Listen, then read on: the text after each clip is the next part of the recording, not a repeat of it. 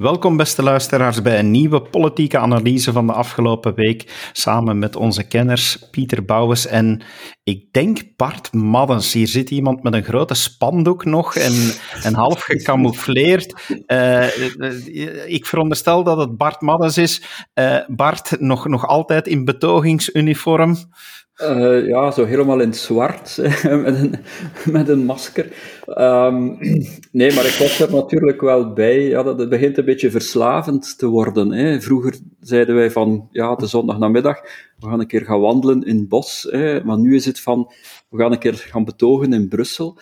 Um, en, maar dit keer was het ja, toch opnieuw een, een overweldigende ervaring. Hè. Dus er was echt immens veel volk. Ik denk dat Christophe de Greef ook wel gelijk heeft als hij uh, schreef in, um, op doorbraak dat er allicht wel meer dan 50.000 mensen waren. Hij had zo'n speciaal systeem om dat in kaart te brengen met een, met een drone. Dus ik denk ook wel dat 50.000 misschien wel een, een, minimalistische schatting was. Um, maar er was echt gigantisch veel volk. Um, en het was ook weer heel ja, bijna kaleidoscopisch. Hè? Dus heel veel uh, verschillende types van mensen, heel divers. Hè? Dit keer natuurlijk ook een groot aantal uh, buitenlandse uh, betogers. Um, maar al bij al, ik heb dat ook al eerder gezegd, had ik toch wel de indruk dat dat publiek eerder alternatief is, hè? zoiets mei 68-achtigs heeft. Um, en, en eigenlijk ook ja, veel alternatiever oogt dan, dan uiterst rechts. Hè. Um, ik, als ik een gokje zou wagen, dan, dan, dan zou ik zeggen van de, de, de meerderheid, daar toch een relatieve meerderheid, stemt groen of, of ecolo. Hè. Dus er gaat toch wel een, een grote kloof uh, tussen de werkelijkheid op het terrein um, en het beeld dat daarvan wordt geschetst um, in, de, in de media. Nu, in, in al die analyses die ondertussen al zijn gemaakt um, in de media over die, over die betoging en dan het, het, geweld in de marge van de betoging, we kunnen het er straks nog over hebben, um, is er natuurlijk één olifant in de kamer waar eigenlijk niemand over spreekt. Um, en dat is dat, dat wat we zondag hebben meegemaakt, is een van de grootste betogingen in België van de jongste decennia. Maar er was eigenlijk geen enkele band tussen die betoging, de organisatie van die betoging enerzijds en um, de, de, het politieke systeem, de politieke instellingen anderzijds. Hè. Um, er is geen enkele politieke partij die heeft opgeroepen om deel te nemen aan die betoging. Zelfs het Vlaamse Belang hield zich eigenlijk op afstand. Zelfs het Vlaams Belang uh, wil zijn handen daar niet aan, um, aan verbranden. De media ja, staan vrij vijandig tegenover die, uh, die betoging. Hebben, hebben zeker niet opgeroepen. Uh, maar er is ook geen enkele band met een, met een drukkingsgroep, hè, met, met vakbonden, um, met, met werkgeversorganisaties, um, met, met, weet ik veel, Vlaamse beweging. Dus, dus eigenlijk het hele georganiseerde politieke bestel is volledig losgehaakt van die betoging, van die manifestatie. Um, en toch zie je dat, ja, dat er tienduizenden mensen uh, daaraan deelnemen. Dus dat, dat zijn eigenlijk twee werelden. Je hebt de wereld van die, uh, van die manifestatie. En je hebt anderzijds uh, de, de wereld van de georganiseerde politiek, van, van het, het politieke systeem. Dus terwijl dat in de zevende dag, zondagmorgen, maakte men zich dan druk over het feit dat uh, Bart de Wever en Egbert Lachaert voor het eerst weer samen in de studio zaten, maar elkaar niet aankeken. Dat is dan wat dat men binnen de politieke bubbel zeer belangrijk vindt. Maar ondertussen, een paar kilometer verder, liepen er tienduizenden mensen, wie dat eigenlijk totaal niet boeit. Die, die, die, die klassieke politiek, die klassieke politieke bubbel, eigenlijk de, de rug toekeren. Hè. Um, die daar eigenlijk niets van moeten weten, die, die enorm boos zijn uh, op, die, op die politiek, die het beu zijn ja, om te worden voorgelogen door de overheid, om als kleine kinderen te worden behandeld door de overheid, om, om enorm veel belastingen te betalen en daar heel weinig voor, uh, voor terug te krijgen. En, en dat protest, dat, dat universum, ja, staat volledig los van de georganiseerde politiek. En dat is iets, denk ik, waar men zich toch stilaan uh, zorgen over moet beginnen maken. En, en, waar men zich ook, denk ik, wel achter de schermen enorm veel zorgen over maakt. Omdat dat natuurlijk ja, de, de legitimiteit van het, uh, van het politieke systeem uh, ondergraaft. Pieter, waarom denk jij dat die band er niet is? Waarom dat daar zo'n spagaat zit tussen die twee? Waarom die band er niet is, is omdat dit typisch iets is um, dat van onderuit gegroeid is.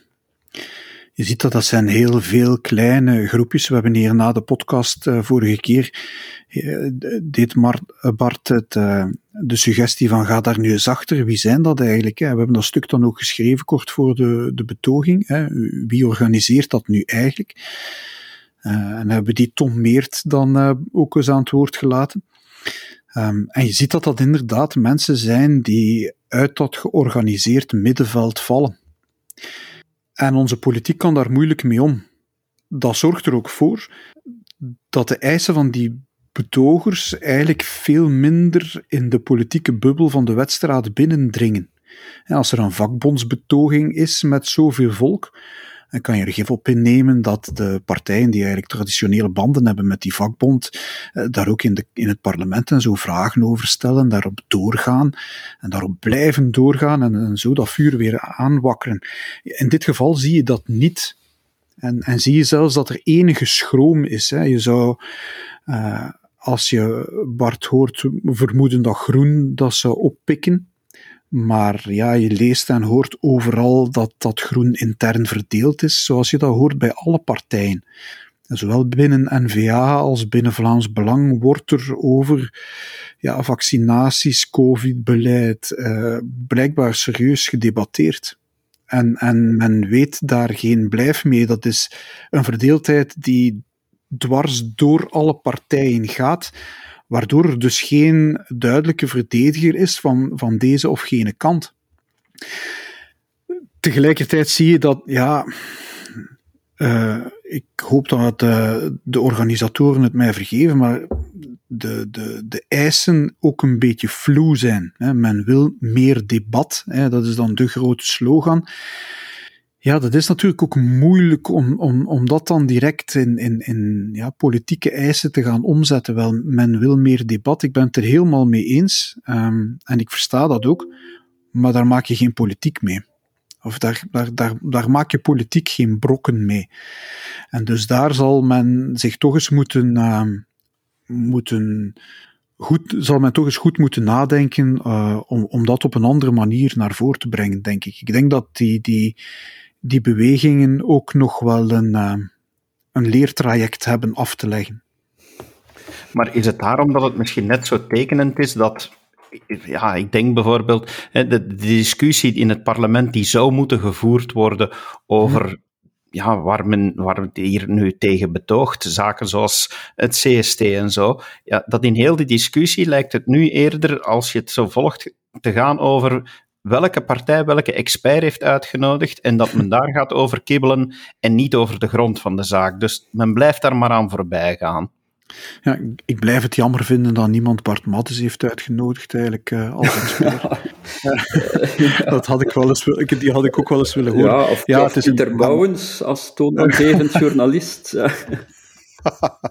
Uh, nee, maar het is inderdaad waar. En, en laat ons eerlijk zijn, iedereen weet ook zo'n een, een, een, een stelletje experts die passeert. Dat is allemaal maakt deel uit van, van, van het hele parlementaire gebeuren. En, en men weet op voorhand wat die experts zullen zeggen voor een groot deel. En daar wordt dan een hoop misbaar over gemaakt. En tegelijkertijd zit men daar wat tijd te rekken door die uh, experts te vragen. En zijn er een aantal op hun teen getrapt omdat ze het niet zijn. Uh, Siegfried Brak heeft een heel mooi stuk geschreven over het maakt niet uit welke experts, maar het is blijkbaar wel belangrijk wie hen gevraagd heeft. Um, eigenlijk is dat hetzelfde, ja, hetzelfde manier van werken als met de betogingen. Er zijn 50.000 mensen door Brussel gegaan die meer debat willen over de COVID-maatregelen. Maar men heeft het over politiegeweld, over antivax-sprekers die op het podium stonden en men gaat niet in op de kern van de zaak, namelijk dat er 50.000 mensen zijn die in de zondag kou, zondagmiddag in de kou zijn komen betogen. Men, men, gaat eigenlijk voorbij aan de kern van de zaak en gaat een hele hoop gedoe maken over alles wat daar rondhangt. Dat is met die expertencommissie ook zo. Rick Torfs is uitgenodigd door Vlaams Belang is blijkbaar veel interessanter dan dat Rick Torfs ook echt wel iets te vertellen heeft over ja, mensenrechten en, en over het juridische aspect daarvan. En dat zijn ja, schijngevechten om, om, om, om eigenlijk af te leiden van de kern van de zaak. een heel, heel jammerlijk deel van onze parlementaire democratie vind ik dat persoonlijk. Maar goed, we hebben dat over die vorige betoging in, in november ook al moeten vaststellen. En, en, en nu stellen we dat weer opnieuw vast. Um, dat ook de media zich laten meeslepen in, in een spelletje um, framing, mag ik het zo noemen? Of toch ja, ja, rond de hete brei dansen? Ja, feit natuurlijk, er, was zondag zo overweldigend veel volk uh, dat, dat de media wel niet anders konden dan ook daarop inzoomen en ook de, de gewone manifestanten op de dag zelf vond ik. Um, ja. Op de dag zelf vond ik bijvoorbeeld de, de, de reportages op VRT Nieuws en zo um, echt goede reportages, objectief, met voor en tegen. Dat vond ik echt heel goede reportages, moet ik zeggen. VTM heb ik niet gezien, maar ja, dan moet ik wel toegeven, ik vond de verslaggeving in de standaard eigenlijk ook goed. Zowel van de betoging als de commentaar die daarover geschreven werd. Ik vond dan weer dat, uh, dat de morgen daar net iets verder uit de bocht ging.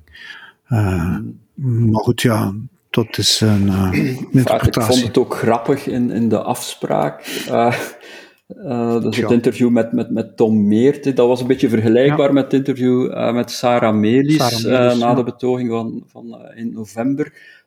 ja, je voelt heel duidelijk dat die, dat die mensen daar zo verschijnen als, als aliens, blijkbaar. Hè. Die, die horen niet tot het, tot het kleine kringetje, hè. die komen van, mhm. van, van buiten de, de bubbel en, en ja, dan, worden die daar zo op de rooster gerecht. Moeten, moeten als het ware uh, voor een vierschaar verschijnen. En dan worden daar stemmen, alle vragen gesteld. Zo van, van wie ben jij eigenlijk?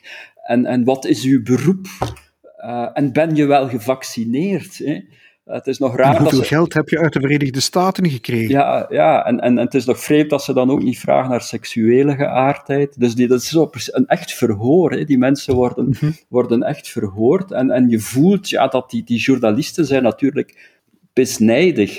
Ik bedoel, ja, uh, dat, dat, dat, dat, dat, dat, dat, die manifestatie, um, het enorme succes daarvan, um, ja, dat, dat, men kan dat niet verklaren, men krijgt daar geen greep op. Um, men heeft het willen doodzwijgen, um, men, men probeert het te marginaliseren, te, te, te criminaliseren.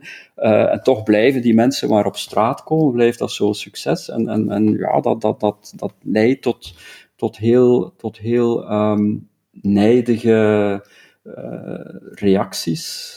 Mm. Maar dat betekent ook dat we, dat we, zoals daarnet gezegd, dat we dus duidelijk zien dat er een kloof is tussen eh, ja, wat er leeft en wat de politiek doet. Maar in het verleden zie je dan heel vaak dat er een recuperatie gebeurt door de politiek.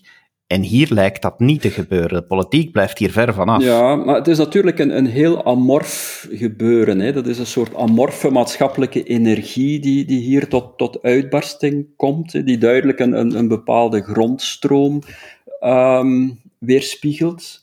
Um, maar dat is zodanig amorf dat het ook heel moeilijk politiek te kanaliseren is. Hè. Um, ik denk dat dat ja, ook een veel breder ongenoegen weerspiegelt uh, dan, dan, dan louter um, corona en, en CST. Dus die, die coronaproblematiek is, is zo'n soort katalysator voor een veel breder uh, ongenoegen. Hè. Ik zat op de trein met, met een aantal hè, van Leuven richting Luik, uh, van Brussel richting Luik, een wagon vol met, met mensen uit, uh, uit Verviers, hè, um, die natuurlijk ook heel gefrustreerd zijn omwille van de overstromingen in Wallonië en het feit dat de, de overheid hè, daar, dat eigenlijk ook niet kan kan managen en die slachtoffers aan een lot overlaat. Dus dat is ook de hoge energieprijzen. Dus al dat ongenoegen komt daar eigenlijk uh, naar boven. En, en de vraag is, ja, zal, er een politieke partij in staat zijn om dat, om dat te kanaliseren, hè, om, dat, om dat aan te boren? Um, ik denk niet wat Pieter daar straks zei van misschien groen zal dat inpikken. Dat, dat denk ik niet. Hè. Ik, denk, ik denk dat dat een groen publiek is, maar dat afhaakt. Dus het publiek dat mhm. afhaakt, dat dat niet meer voor groen of ecolo um, zal, zal, zal stemmen. natuurlijk, ja, de, de, partijen die, die het best geplaatst zijn om dat te, te capteren, ja, zijn natuurlijk in Franstalig België PvdA en in, in, in, Vlaanderen Vlaams Belang. Maar veel van die mensen zullen volgens mij ook afhaken. Hè. Die zijn het kotsbeu, die, die gaan gewoon niet meer stemmen de volgende keer.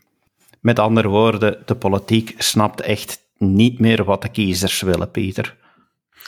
Goh, nou, over de kloof tussen, uh, tussen de kiezer en de politici is al heel veel gezegd, geschreven en onderzocht.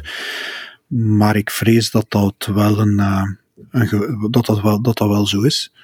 Dat je in die kleine bubbel waar je heel hard in werkt, een beetje de, de voeling met de realiteit verliest. En ik voel toch ook, iedereen voelt toch in zijn omgeving dat, dat, dat er onrust groeit. Men is heel die COVID-miserie beu. En daar kunnen politici misschien weinig aan doen, maar toch, men, men is dat beu. En, en dat komt bovenop heel veel andere dingen die er al waren. Die ontevredenheid die Bart hier aangeeft. Ik heb daar in, in mijn standpunten eerder ook al voor gewaarschuwd dat je eigenlijk een, een maatschappelijk heel gevaarlijke cocktail dreigt te krijgen. Een heel gevaarlijke cocktail waar men niet weet welke richting dat uitgaat. Hè. Een heel, ja, mensen die, die op den duur bang zijn voor de toekomst, of die ervan overtuigd zijn dat de toekomst van hun kinderen uh, gehypothekeerd wordt en, veel slechter zal zijn dan, dan hun eigen, dan ze zelf een toekomst hadden op die leeftijd. En dan, dan, dan kunnen mensen rare beslissingen nemen. En ik heb niet de indruk dat, dat de politici vandaag dat kunnen capteren. En als ze het kunnen capteren, ja, dan zit je natuurlijk ook met het feit dat ze er eigenlijk niets kunnen aan doen, of heel weinig kunnen aan doen. wat kunnen ze vandaag doen aan die hoge energieprijzen? Elke korting die ze vandaag geven aan de middenklasse, zal de middenklasse opnieuw moeten ophoesten op een of andere manier. En mensen met genoeg verstand in hun kop weten dat ook. En waarom lukt het niet in verviers? Waarom lukken zoveel, lukken zoveel dingen niet? Dat is gewoon omdat er ook geen geld meer is. België is ja, qua begroting de zieke man van Europa. Hè? En, en qua staatsschuld nog meer. Wij zitten echt met een, een, een groot structureel begrotingsprobleem. Dat maar niet opgelost geraakt. En, en, en begroting, draai of keer het, dat is de kern van, van heel veel politiek. Daar, daar, daar, daar zit heel het beleid aan vast. Je kan heel veel dingen zeggen dat je die gaat doen, maar als daar geen geld voor is, kan je die ook niet doen. En laat ons eerlijk zijn, er is vandaag geen geld meer. Voor heel veel dingen is geen geld meer. Er is zelfs geen geld meer voor heel veel dingen die we eigenlijk op dit moment al doen en niet meer zouden mogen doen. Maar structureel loopt alles daar vast. En ook dat is een frustratie die mensen voelen. Het hele Belgische systeem zit vast, zodanig vast dat, dat zelfs de, de slechtste onderdelen daarvan niet meer kunnen vervangen worden. En dan, ja, dat is toch een recept voor een catastrofe. Met CST merk je dan wel dat, eh, ja, ik, ik sprak al over die recuperatie, maar dan zie je toch dat het moeilijk is voor partijen, ja, diegenen die in de, in de Vivaldi-meerderheid zitten, ja, die, die hebben een heel duidelijke keuze. Maar uh, ja, bij andere partijen, zoals bijvoorbeeld N-VA, zie je toch dat daar geen duidelijk of eenduidig antwoord op komt. Ja, ja, dat merk je ook op de website nu recent van, van de NVA. Um, ehm, daar staat een heel lange tekst om hun standpunt uit te leggen. Hè. Die begint te zeggen van we krijgen daar veel vragen over. En dan een hele lange tekst. Ja, natuurlijk, je weet, ja, als, als een partij een heel lange tekst nodig heeft om het eigen standpunt uit te leggen, ja, dan, dan is er iets grondig verkeerd natuurlijk. Um, ik was ook nogal ontgoocheld over wat, wat Jan Bon vorige keer, um, vorige week in het Vlaams parlement heeft, heeft gezegd. Daar, daar zei hij op een bepaald moment van ja, het, het, het CST blijft een nuttig instrument om de mensen aan te sporen, om hen te motiveren om zich te laten vaccineren. Nu, ja, eigenlijk komt hij daar heel dicht in de buurt bij wat Conor Rousseau ook zegt, hè, en, en waartegen we vorige, tijdens de vorige podcast zo van, van leer zijn getrokken. Hè. Eigenlijk is dat juist hetzelfde wat, wat Jan Jan Bon hier mhm. zegt. Hè, van, uh, we moeten de, de mensen hun vrijheden afpakken. Hè. We moeten hen verbieden om, om uh, te reizen en om, om op café, op restaurant te gaan, naar de cinema te gaan, uh, als ze zich niet laten vaccineren. Hè. We moeten ze dus eigenlijk belonen um, met hun rechten, met hun grondwettelijke rechten, als ze zich wel laten vaccineren. Eigenlijk is dat juist hetzelfde. En ja, dat kon Rousseau zoiets zegt, ja, dat, dat, dat, dat we de vorige keer ook al, al um, gezegd, dat, dat sluit aan ja, bij zo die, die meer socialistische ideologie, um, die het eigenlijk geen probleem vindt dat de, overheid zich, zich uh, zoveel mogelijk mengt in het, in het privéleven, hè, dat de, de overheid zoveel mogelijk uh, greep krijgt op het privéleven, de meer collectivistische ideologie. Dus dat ligt in de lijn daarvan. Maar dat Jan Jan Bon zoiets zegt, ja, dat, dat, dat is toch veel moeilijker te, te verklaren. En, en ik, eigenlijk is dat voor mij een mooie illustratie van die tunnelvisie waarin dat de politici gevangen zitten. Um, ze, ze, ze denken eigenlijk daar niet meer kritisch over na. Ze zijn niet meer in staat om, om een keer kritisch te reflecteren over hun beleid, over hun standpunten en, en om, om een keer die ethische reflectie te maken van hé, dat, dat kan toch niet, wat, wat, wat, wat is dat nu, dat we eigenlijk gaan discrimineren, dat we niet-gevaccineerden gaan, gaan uitsluiten van de samenleving, gaan stigmatiseren, uh, gewoon weg omdat ze gebruik maken van hun wettelijke recht om zich niet te laten vaccineren.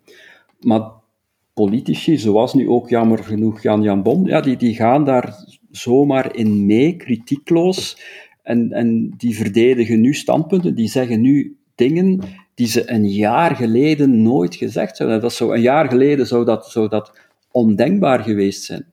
Maar vandaag is dat allemaal normaal en zo zie je zo'n geleidelijke verglijding eh, op een hellend vlak in, in de richting van ja, een, een vorm van totalitarisme. Chinese toestanden hebben we, hebben we uh, vorige keer um, gezegd. En, en, en dat is natuurlijk zeer ja, zeer verontrustend. Hè. Dan heb ik ook iets van, ja, tu quoque filimi, hè, quoque Jan Jan Bon.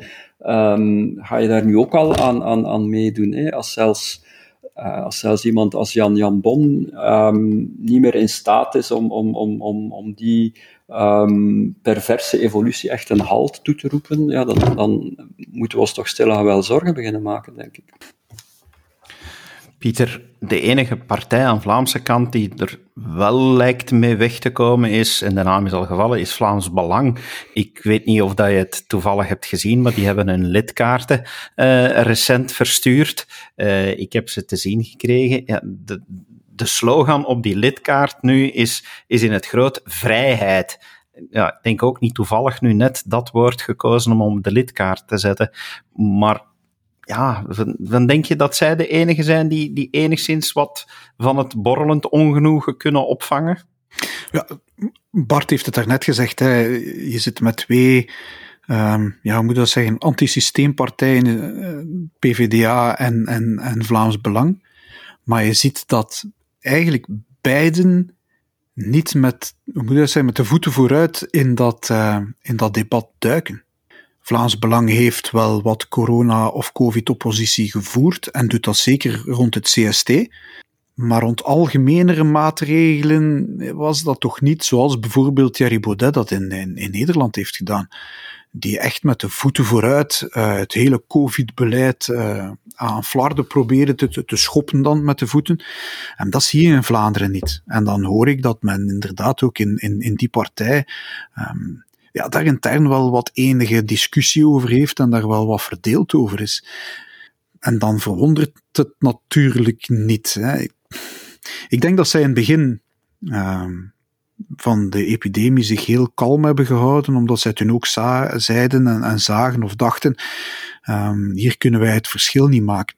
En we gaan uh, in een crisis een soort rally round the flag zien. Iedereen samen rond.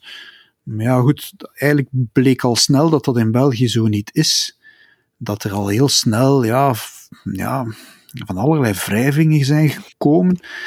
En zeker met het CST. Um, ja, ik vind de houding van NVA echt onbegrijpelijk. Uh, en je ziet dat daar ook heel veel kritiek op komt. Blijkbaar ook intern. Uh, dat er ook blijkbaar intern heel veel strubbelingen zijn daar rond. Debatten en discussies blijkbaar. Um, wat het natuurlijk moeilijk maakt voor hen uh, om daar in het federaal parlement echt voluit voor te gaan. Te meer omdat men vreest als men daar voluit in de, in de oppositie gaat, ja, dat je het dan de Vlaamse regering moeilijk maakt. Uh, en, en, en ja, men zit daar gevangen tussen hamer en aanbeeld. En als je dat ziet, vind ik het eigenlijk nog um, eigenaardiger dat, dat, dat Vlaams Belang er niet nog meer voluit voor gaat. Bart, jij was op die betoging, eh, om even daarna terug te gaan. Hoe groot was de Europese dimensie van die betoging? Want deze keer was het, was het inderdaad als een Europees gebeuren, er waren buitenlanders. Eh, maar hoe belangrijk was die Europese dimensie? Ja, dat was toch wel heel zichtbaar. Ik denk wel dat de, de overgrote meerderheid van de betogers waren, uh, waren Vlamingen, Walen, Belgen. Uh, dat was wel duidelijk, maar er waren toch wel, wel grote buitenlandse delegaties. Er, is, er zijn altijd om een of andere reden heel veel Roemenen met Roemeense uh, vlaggen, maar dit keer ook heel veel Nederlanders, um, Fransen. Um, en natuurlijk, dat is misschien iets wat, wat wat onderbelicht is gebleven, denk ik, in de media. Ook het, het geweld in de marge van de, de, manifestatie had natuurlijk ook wel een Europese dimensie. Hè? Dus je had natuurlijk de, ja, de, de amokmakers die er, die er altijd bij zijn. Uh, maar dit keer had je ook die, die anarchistische um, antifa-bewegingen uh, uit, uh, uit verschillende Europese landen. Um, die natuurlijk ja, het vooral gemunt hebben op de Europese Unie. Hè. Dus Brussel is de hoofdstad en het symbool van de Europese Unie, dus van het systeem, Big Pharma in hun ogen, enzovoort, enzovoort.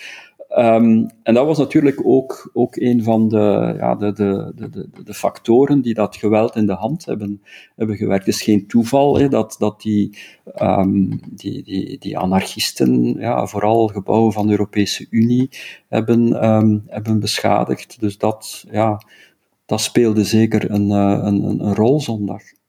Ik heb trouwens gehoord, Christophe vertelde mij, dat er uh, Europese vlaggen in brand werden gestoken, ook in de betoging. Mm. Ik weet niet of jij dat gezien hebt. Dat heb ik niet gezien. Er waren wel geen, uh, geen Europese vlaggen, uh, maar ik heb niet gezien dat die, um, dat die in brand werden gestoken. Natuurlijk, het is, bedoel, ja, 50.000 wellicht meer mensen. Dat ja, heel, um, ja, het, is, het is moeilijk om daar vat op te krijgen. Hè. Um, maar wat ik, wat ik niet begrijp, hè, is dat, ja, je ziet hier die anarchistische groepen, die zijn niet onbekend bij, bij de ordendiensten, zelfs niet bij de ordendiensten in Europa. Uh, herinner u de, de G7 of, of ik weet niet welke bijeenkomst in Hamburg het ooit was, waar ze de halve stad hebben afgebroken?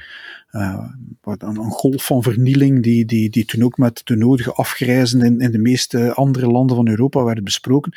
Dat waren diezelfde mensen eigenlijk, diezelfde, laat ons eerlijk zijn, Europees goed georganiseerde groepen uh, van, van antifa en anarchisten. Ik begrijp niet dat men die niet volgt en dat men niet weet van, ja, kijk, die komen naar Brussel. Die, daar moet toch een of andere manier een waarschuwing zijn. Je gaat mij toch niet wijsmaken dat, dat de ordendiensten die, die, die communicatiegroepen die zij hebben niet volgen of niet kunnen volgen. Dat zou ik toch wel bijzonder straf vinden. En, en, en dat daar dan niet uh, ja, wordt, wordt op gereageerd. Er zijn toch politiemensen die die, die mensen kennen.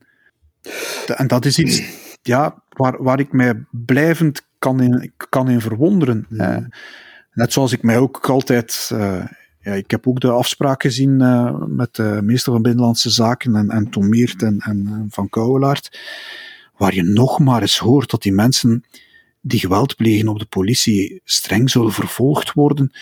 Maar dan zou ik durven zeggen, wie gelooft die mensen nog? dat is al de zoveelste keer dat we dat nu weer zien. Geweld op politie, dat zijn ook maar gewoon mensen zoals wij, die hun werk doen. En die daar eigenlijk, ja, uh, met dranghekken en, en brandende vuilbakken mm. worden bestookt. Uh, het zal je kind maar zijn, denk ik dan. Um, maar iedereen weet dat die vervolging, ja, als die er ooit komt, zal het nog heel lang duren. Mm. En meestal komt die er ook gewoon niet. Je kan in Brussel blijkbaar zomaar van alles doen tegen politieagenten. Dus wat houdt die mensen tegen? Ja, nu, er is natuurlijk ook wel een, een andere kant aan dit verhaal. Hè. Dus ik denk dat die echte geweldplegers, dat zijn, dat zijn beroepsagitatoren. Hè. Die zijn, ja, maar die moeten ze toch kennen, hè Bart?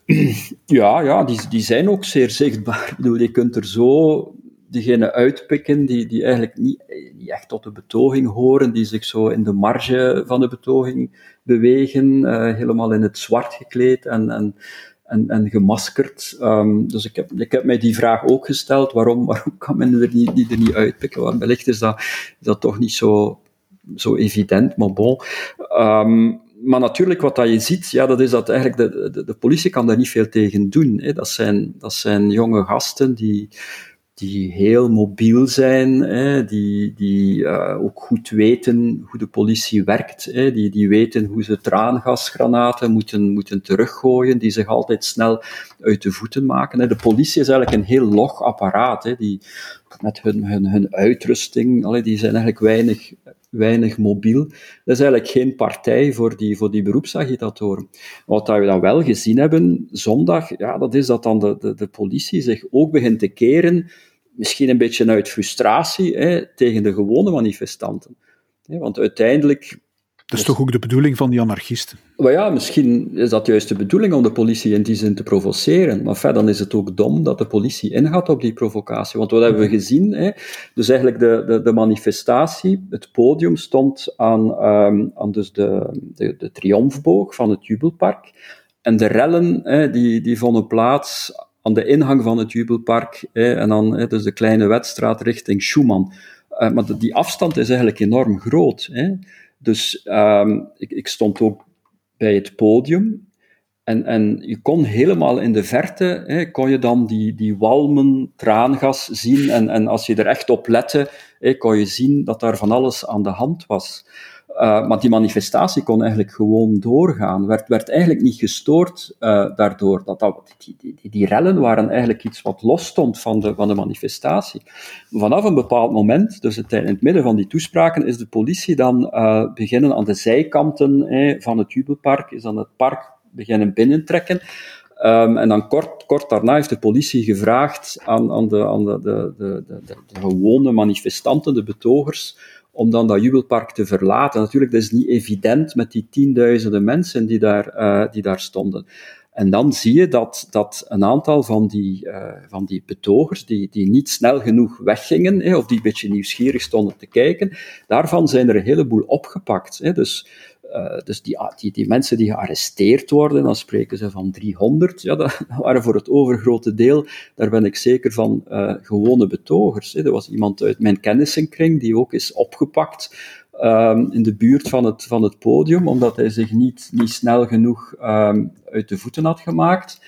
Um, en, en die, is, die is vier uur vastgehouden in de kazerne van Etterbeek op een niet al te vriendelijke manier door, door politieagenten die, die, die, die eigenlijk amper Nederlands uh, konden. Dus je hebt de indruk dat de politie uit frustratie zich dan eigenlijk afreageert op gewone betogers. En dat is natuurlijk niet goed. Zal er nog een vervolg komen? Zal dit nog, ja, ik, in een vraag niet zozeer enkel maar een betoging, maar verwachten jullie dat dit uh, ja, nog, nog op andere manieren. We, we, hebben het nu al genoeg gezegd, de politiek pikt dit niet op. Uh, het is duidelijk antisysteemgericht. Ja, gaat dit misschien tot gevolg hebben dat er iemand gaat opstaan die al die antisysteemgevoelens gaat groeperen? Of ja, hoe verwachten jullie dat dit nog, nog verder loopt? Ik denk dat, uh, dat het wel een signaal is dat er ondanks alles opnieuw ja, tienduizenden mensen, 50.000, ik weet niet hoeveel er waren, uh, zich verzameld hebben. En, en ja, dat is toch een, een belangrijk signaal dat de, dat de politiek niet zomaar mag laten gaan. Hè. We gaan dan natuurlijk ook het institutionele uh, debat gaan krijgen in, in het parlement.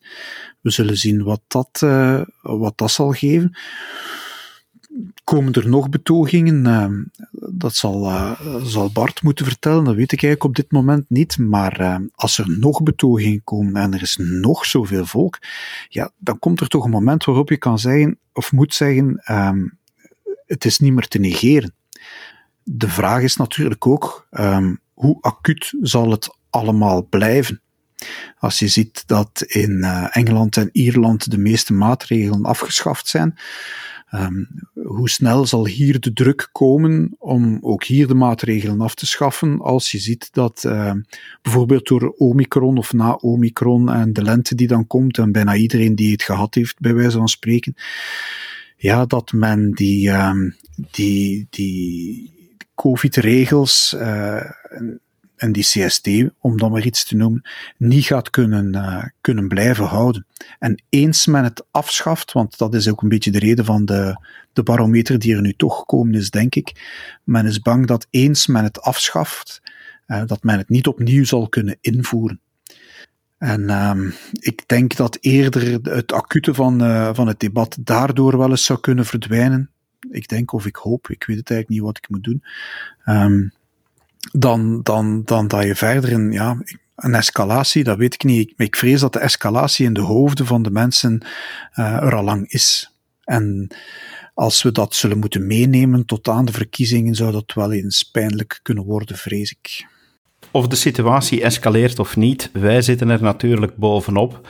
We blijven dit opvolgen, we blijven analyseren en we blijven deze analyse met jullie delen. Dankjewel Pieter en Bart voor jullie tijd om dit te doen. En beste luisteraar, ook u bedankt om te blijven luisteren en ons zoveel leuke berichtjes te sturen. Graag tot de volgende keer. Dag. Dit was een episode van Doorbraak Radio, de podcast van doorbraak.be. Volg onze podcast op doorbraak.be/slash radio of via Apple Podcasts, Overcast of Spotify.